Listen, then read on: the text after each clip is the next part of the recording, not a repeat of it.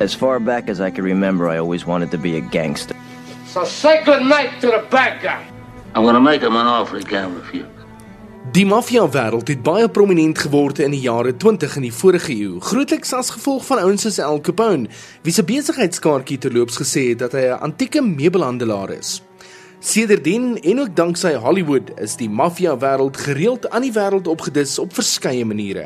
Kom ons kyk na 'n paar van die dinge wat die maffia vreemd maar tog interessant maak.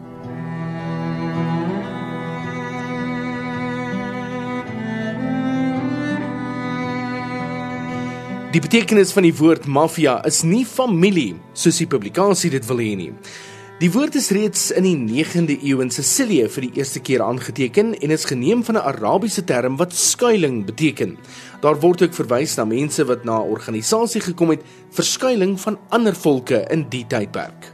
Die omerta of vertaal om 'n man te word verwys na die feit dat 'n man sy eie probleme moet uitsorteer en is ook sinoniem met die maffia se gedragskode wat lede verbied om oor die binnewerke van die organisasie te praat of teen sy broeders in die organisasie te draai. Die straf vir die verbreeking van die omerta is die dood. You don't understand. I could have had class. I could have been a contender. I could have been somebody instead of a bum.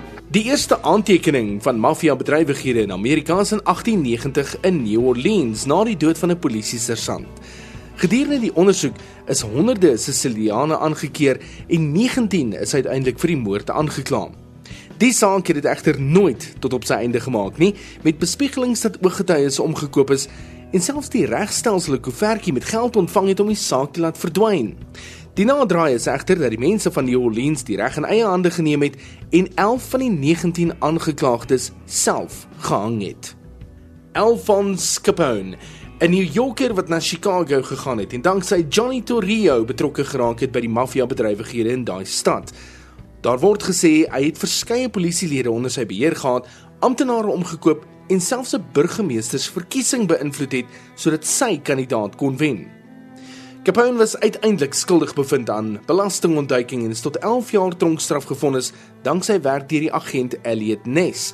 Hy word verskuif na Alcatraz in 1934 en ontvang parol in 1939. Hy was 'n sieklike man tot die dag van sy dood in 1947. Die Hollywood rolprent The Untouchables raak egter op Die Hollywood rolprent The Untouchables Die Hollywood rolprent The Untouchables wys egter die stryd tussen Al Capone en Elliot Ness soos wat dit in Chicago plaasgevind het. I want you to get this where he breathes. I want you to find this Nancy boy Elliot Ness. I want him dead. I want his family dead. I want his house burnt to the ground. I want to go to the middle of when I'm trying to dance. Robert De Niro as Al Capone in die rolprent The Untouchables.